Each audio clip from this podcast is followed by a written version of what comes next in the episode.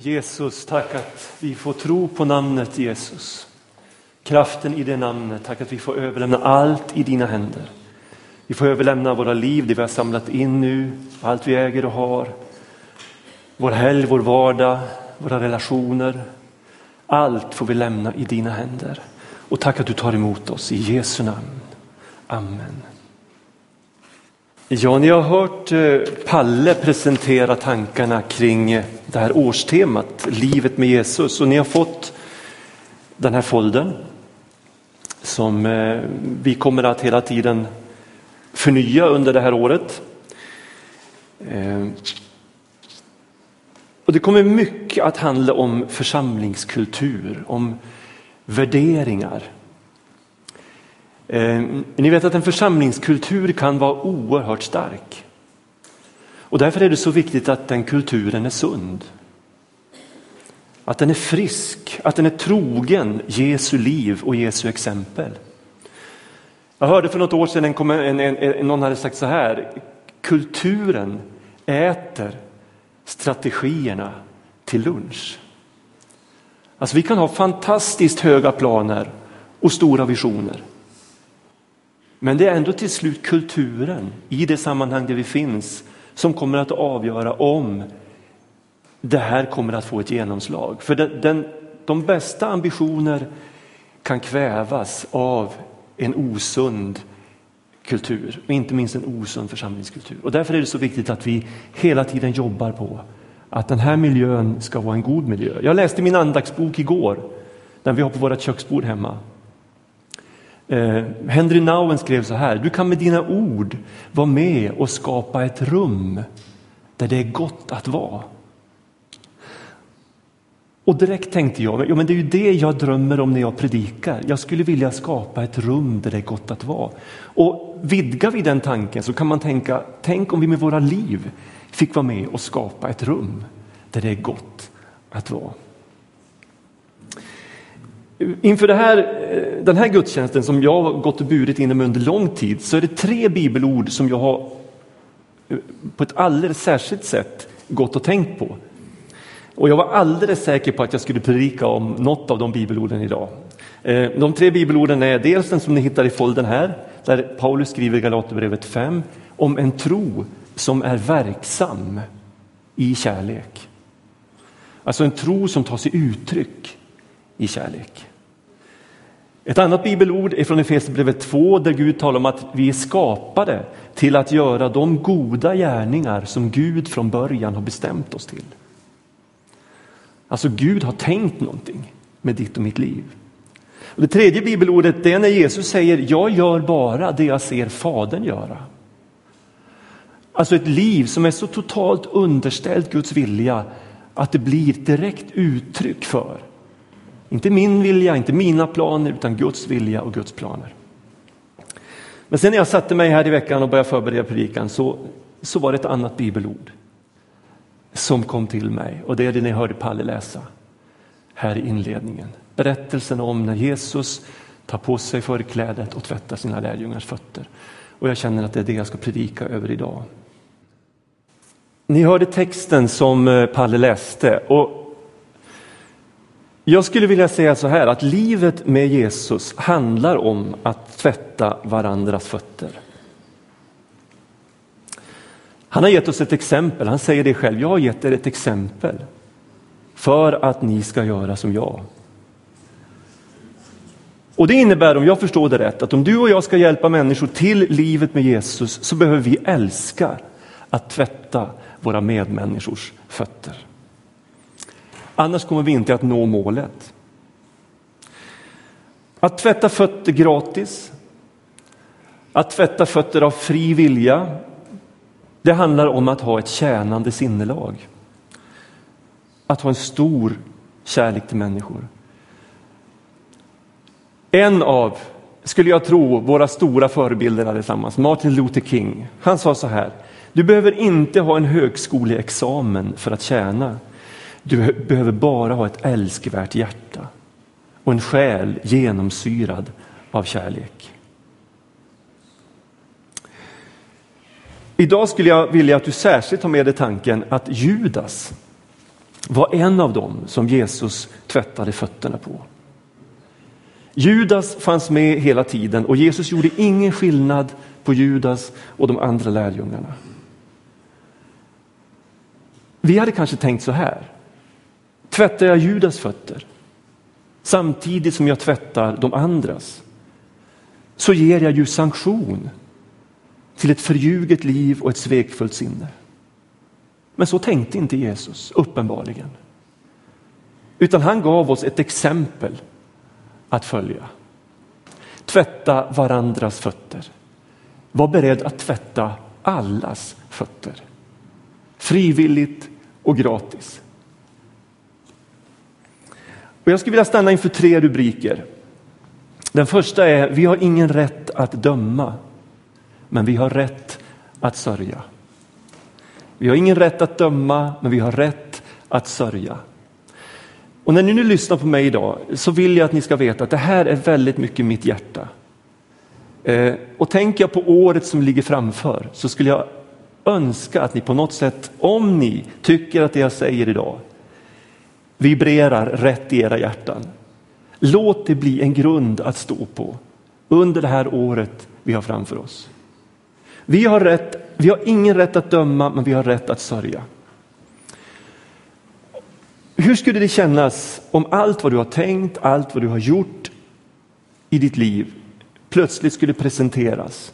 Istället för att det står livet med Jesus där så skulle det stå där. Inför hela församlingen. Allt vad du har gjort, allt vad du har tänkt. Hur skulle du reagera då? Du skulle säkert rodna. Du skulle kanske gömma händerna i ansiktet, du kanske skulle gråta, du kanske skulle springa ut i skam. Och vi är alla i samma båt, utan undantag. Alla har syndat är en av Bibelns viktiga sanningar, inte för att tvåla dit oss, sänka oss, utan för att öppna en dörr till frihet. Den enda dörr som finns till frihet. Alla har syndat, alla är vilse, ingen finns som är rättfärdig. Därför säger Paulus, det finns inget försvar för dig som dömer. När Jesus i Johannes 3 möter Nikodemus på natten och möter hans frågor så möter han en människa som brottas med livet.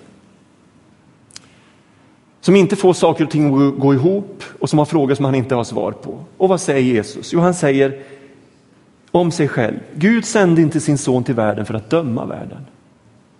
Utan för att världen skulle räddas genom honom. Den som tror på honom blir inte dömd, men den som inte tror är redan dömd. Och detta är domen att när ljuset kom in i världen, då älskade människorna mörkret mer än ljuset. Gud sände inte sin son till världen för att döma den, utan för att rädda. Hur fel blir det då inte om vi som säger att vi följer Jesus dömer vår omgivning, dömer människor runt omkring. Alltså, vi får inte döma om vi vill följa Jesu exempel. Det är inte vårt mandat. Jesus säger det väldigt tydligt i Matteus 7. Döm inte så blir ni inte dömda. Ty med den dom som ni dömer med ska ni dömas. Varför ser du flisan i din broders öga om du inte ser bjälken i, din egen, i ditt eget? Och Paulus säger i Romarbrevet 12, hur kan du döma din broder? Alla ska vi en gång stå inför Guds domstol. Låt oss därför inte längre döma varandra. Istället ska ni se till att ni inte kommer någon broder eller syster att snava och falla. Hur ska vi då förhålla oss till att verkligheten inte är som den borde vara? Som för Jesus i det här sammanhanget, att mitt bland lärjungarna sitter Judas som har sålt sin själ och som redan har bestämt att han ska svika och förråda Jesus. Hur ska vi förhålla oss till att verkligheten inte är som den borde vara? Hur ska vi förhålla oss till all trasighet? Hur ska vi förhålla oss när relationer går sönder i vår omgivning? När vi möter hårdhet? När vi möter påtaglig ondska? När vi upplever att här är mörker? Hur ska vi förhålla oss till allt det kluvna i våra egna liv? Vi vill så mycket gott, men vi gör ändå så mycket ont. Och lyfter vi blicken, hur ska vi förhålla oss till alla orättvisor i världen? Att de rikaste 20 procenten får 80 procent av alla inkomster. Medan de fattigaste 20 procenten i vår värld får bara 2 procent av vad den här världen har att ge av inkomster. Hur ska vi förhålla oss till att människor vänder Gud ryggen, att människor vandrar bort i vilsenhet? Att våra makthavare ibland stakar ut en väg för vår nation som leder fullständigt i motsatt riktning mot vad Gud vill. Hur ska vi förhålla oss? Hur ska vi förhålla oss till när nära vänner ställer till det för sig? När äktenskap går sönder, kanske mitt i den kristna gemenskapen. Eller när vi har vänner som förslavas under droger eller andra begär. Hur ska vi förhålla oss? Ja, vi har ingen rätt att döma. Men vi har möjlighet att sörja. Vi kan sörja över att det är som det är. Sorgen är Guds redskap till oss att hantera att allt inte är som det skulle vara. Naturligtvis kan vi göra mycket mer än sörja, men sorgen måste få komma för att det andra ska bli rätt. Vi ska vara glada. Glädjen är själva kännetecknet på ett kristet liv. Men utan sorg i den här världen så kommer glädjen att bli ytlig och falsk. Jag har stor respekt för ett judiskt ordspråk som säger så här, ingen människa är verkligt fri förrän alla människor är fria. Och det behöver vi reflektera över. Vi ska kämpa mot orättvisor, men om vi inte sörjer med hela skapelsen så kommer kampen att skara falskt. Och först och främst måste vi i ärlighet bära en sorg över vårt eget liv. För om vi inte gör det så kommer varje god gärning att göda vår egen självgodhet och bli en stegpinne i vår egen själv, själv, självrättfärdighetsstege. Det måste finnas en grundsorg i mitt hjärta över att mitt liv krävde att en helig Gud gav sitt liv för min skull, för att jag skulle räddas. Någonstans måste jag vakna upp över syndens oerhörda konsekvenser i detta kosmos. Och utifrån den utgångspunkten förstå Guds oändliga, oföränderliga, eviga kärlek. Han har älskat mig till sig. Och det är källan till glädjen. Då kan vi sjunga Jag är barn till en kung. Eh, och det förvandlar människors liv när man inser vad Gud har gjort. Jag tänkte när vi såg rövarna här, han som har skrivit Amazing Grace. Han var slavskeppare tills han mötte Jesus. Och så upplevde han förlåtelse och total förvandling och kunde skriva den här sången som har eh, levt vidare sedan dess och sjungs över hela vår värld. Eh, förunderlig nåd. Tänk att vi får vara med. Där finns källan till den djupa glädjen. Jesus sörjde, trots att han var den enda rättfärdige och den gladaste på den här jorden, så sörjde han. Hela påskens drama handlar om hur Gud sörjer genom sonen. Finns det något starkare uttryck för sorgen när Jesus i Getsemane ensam i mörkret svettas blod inför det som väntar? När alla, alla som har sagt vi ska aldrig överge dig, överger honom av rädsla och feghet. Och när han tyngd av mänsklighetens svek faller under tyngden av sitt eget kors. När han går hela vägen ensam upp till Golgata och ger sitt liv för att rädda varje människa. Och när han utropar på korset förlåt dem, de vet inte vad de gör. Jesus sörjer. Men han lyder, han går vägen därför att han vet att den leder till liv, till seger. Vi har ingen rätt att döma, men vi kan sörja. Min andra punkt är, vi kan inte välsigna allt, men vi kan innesluta. Och tänk du på när Jesus böjer knä framför, framför Judas och tvättar hans fötter. Vi kan inte välsigna allt, men vi kan innesluta. En annan berättelse i Bibeln är när, när, när eh, fadern välkomnar den förlorade sonen hem. Springer sonen till mötes när han kommer hem som en trasank, när han är utfattig, utmärglad, smutsig, illaluktande. Och när fadern springer honom till mötes och, och omfamnar honom så är det ingen välsignelse över sonens utsvävningar, över sonens misslyckanden, över hans trasighet. Naturligtvis finns det mycket sorg i faderns hjärta när han springer sonen till mötes. När han ser sin älskade son i ett sånt bedrövligt skick. Naturligtvis finns det sorg. Sorgen fanns där redan när sonen i sitt övermod begärde att få ut sin förmögenhet. Förolämpade pappa genom att säga att jag önskar att du vore död. Så att jag kunde få ut pengarna och göra vad jag vill. Självklart sörjde fadern redan då. Det var inte med faderns välsignelse som han drog iväg. Det var i trots, det var i högmod. Och nu kommer han på darrande ben, han har försökt formulera en bön. Insikten har kommit över honom, far jag har syndat. Mot himlen, jag har syndat mot dig. Jag är inte värdig din kärlek. Och det är inget spel för gallerierna, för första gången kanske så är sonen botten ärlig. Alla svekfulla tankar har fått vika undan för förkrosselsen, för självinsikten. Och i berättelsen står det att han har kommit till besinning. Han har kommit till besinning. Vem är han?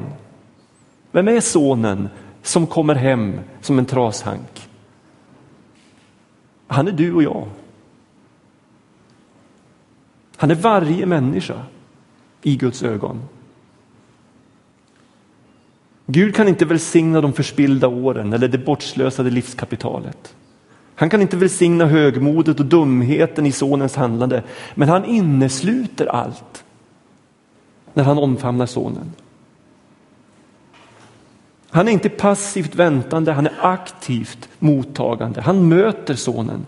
Han vänder sitt eget sörjande hjärta till glädje. Han ordnar fest, för sonen var död men har fått liv igen. Varför gör han detta?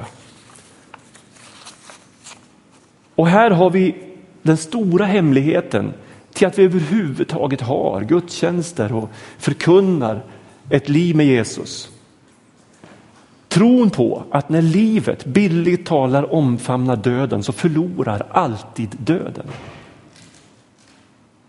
När ljuset omfamnar mörkret så förlorar alltid mörkret. När Gud i sin godhet omfamnar oss är det för att han är större än all världens ondska. Och när han omfamnar denna ondska så förlorar alltid ondskan. Och därför kallas du och jag, inte att välsigna allt, men att omfamna allt. I Guds namn, i Guds kraft. I tron på att han är större. Han kan förvandla liv. I hans omfamning börjar helandet och upprättelsen. Faderns rikaste dräkt, finaste dräkt ersätter de smutsiga trasorna. Ringen som han sätter på sonens finger bekräftar att fadern åter, återger honom hans ställning. Han blir son på nytt. Skorna som han på för fötterna är tecknet på att han inte är slav utan fri. Om nu Gud innesluter, hur tokigt blir det då inte? Om vi som säger att vi vill följa honom inte gör det. Jesus är ett exempel för att vi ska följa honom. Jesus tvättade Judas fötter. Precis som han tvättade alla andras fötter. Det finns krav idag på oss som enskilda troende i vår vardag att vi ska välsigna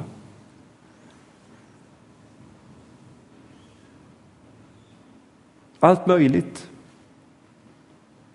Och det kan vi naturligtvis inte göra. Vi kan inte säga att saker är okej okay, som Gud säger inte är okej. Okay. Vad, vad skulle det tjäna till?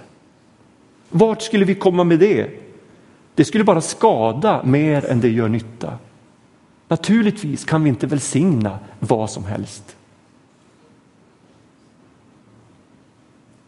Och vi tänker så lätt att vi måste påtala alla fel innan vi omfamnar och innesluter. För tänk om vår omfamning tolkas som om vi rop, eh, sopar synderna under mattan.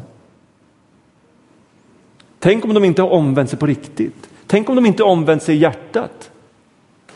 Tänk om det här är, är, är falskt och spel för gallerierna. Tänk om jag omfamnar detta. Vad händer då?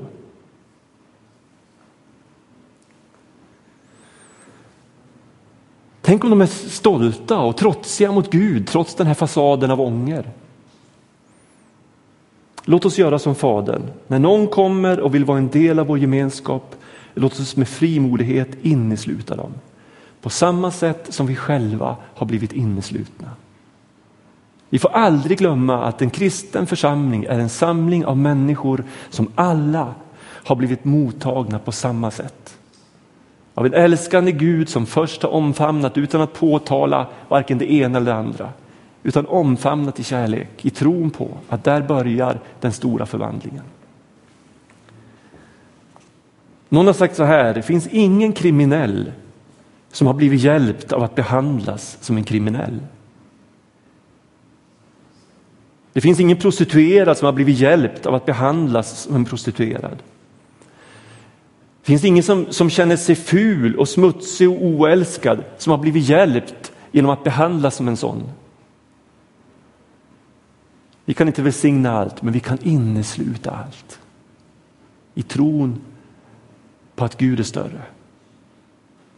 Och han har vunnit en evig seger. Till sist, vi kan inte förändra någon. Men vi kan älska alla i tron att kärleken förändrar. Om inte människor först av allt attraheras av oss som påstår att vi älskar Jesus och vill följa honom, hur ska de då någonsin kunna följa Jesus? Jag tror att Gud vill att ditt och mitt liv, att den kristna församlingen ska ha den här attraktionskraften. Att där finns en kärlek som tror, en kärlek som tror att kärleken är störst av allt i, det här, i den här tillvaron. När vi är sams, när vi älskar varandra, när vi betjänar varandra, när vi tvättar varandras fötter så kommer världen att tro. Så säger Jesus själv. Då kommer världen att tro. När människor får smaka på sann kristendom, äkta kristen gemenskap, så kommer de att vilja ha mer. Hur ska vi kunna bli människor som delar Guds sörjande hjärta, som innesluter, som älskar? Det är den stora utmaningen inför det här året när vi talar om ett liv tillsammans med Jesus. Och det här är ju vårt motto som församling. Och jag, jag hoppas och tror att det är mycket mer än ord. Eh, när vi säger att vi vill hjälpa människor till livet med Jesus genom att leva, leva nära Gud, leva nära varandra, leva nära det här samhället. Vi vill hjälpa människor till livet med Jesus. Och då behöver vi ha en uppfattning om vad det livet handlar om för vår egen del. Jag tror att vi står inför skördetider. Skörden är stor, säger Jesus i Matteus 9. Men arbetarna är få. Och det kanske också är en anledning till att vi har det här året med det här temat. Skörden är stor men arbetarna är få. Be därför skördens Herre att han sänder arbetare till sin skörd. Och vad händer i Matteus 10? Jo, när, när han har undervisat lärjungarna och de, de frågar, eh, eh, ställer sig liksom undrande, hur, hur ska detta gå till? Så, så vänder sig Jesus till dem och säger, ni får gå ut. Gå ni. Och så sänder han dem två och två. Så utrustar han dem. Och när du och jag börjar be Gud, var finns arbetarna till skörden så kommer Gud att se på dig och så kommer han säga, men du ska gå. Det är inte han, det är inte hon, det är inte de där borta, det är du som ska gå. För jag har älskat dig till liv. Och nu är min upp, mitt uppdrag till dig att ge som gåva vad du har fått som gåva. Dela med dig av vad du har fått. Berätta att det finns ett liv tillsammans med Jesus. Berätta att Gud är större än allt det där onda och destruktiva och mörka som vi så lätt fastnar i. Gud är större. Och möter du någon som håller på med tokigheter så gå inte på eh, och, och, och, och, påpeka alla fel utan berätta istället att det finns någonting bättre. Det finns något större. Det finns något som är mera liv än det du söker just nu. Får jag berätta om det? Dela med dig av det du har fått. Hemmavarande söner som har tappat känslan för vad fest och glädje innebär och som inte kan glädjas när syskonen kommer hem. De kommer att stå där som hinder. Hur mycket de än bekänner sig som kristna när människor börjar komma till Gud. Så be att du får vara en, en Jesu lärjunge som kan glädja dig, som kan festa tillsammans med den som har hittat hem. Och göra det från hjärtat. För att gör vi det inte från hjärtat så kommer det att synas i våra ögon. Om det bara liksom är eh, en kraftansträngning från vår sida. Men är det äkta så kommer också det att stråla från våra ögon och de kommer att känna att här är jag välkommen. Ditt och mitt beslut kommer att avgöra om den här församlingen kommer att stå där vid skiljevägen och ta emot förlorade söner och döttrar. Som med darrande ben, böner formulerade i stor vånda om de ska hitta hem, om de ska få liv, om de ska få frid, om de ska få mening.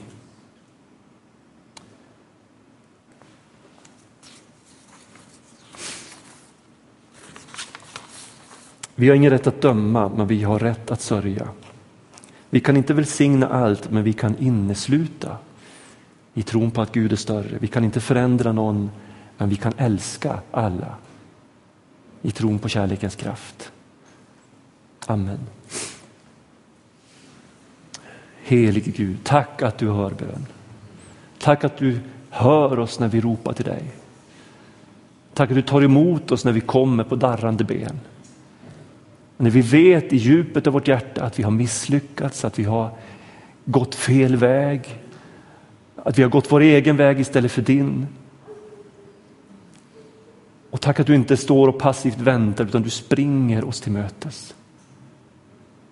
Därför att din vilja att möta oss är alltid mycket större än vår vilja att möta dig. Och tack att du tror på oss. Därför att vi i grunden är dina avbilder. Det är du som först och främst har äganderätten till våra liv. Tack Gud att du tar hand om oss den här stunden när vi nu ska fira nattvard. Tack att få göra det i tro på att det som nattvarden står för verkligen är en levande verklighet. I Jesu namn. Amen. Får jag bara säga att vi har tagit hem några böcker av den här, eh, några exemplar av den här boken, Här för att stanna. Och den här boken skulle jag önska att många köper under det här året och läser. Det är en bok av John Ortberg. Eh, jag tycker den är fantastisk. Den handlar om det omätbara inflytande som Jesus har på vår civilisation.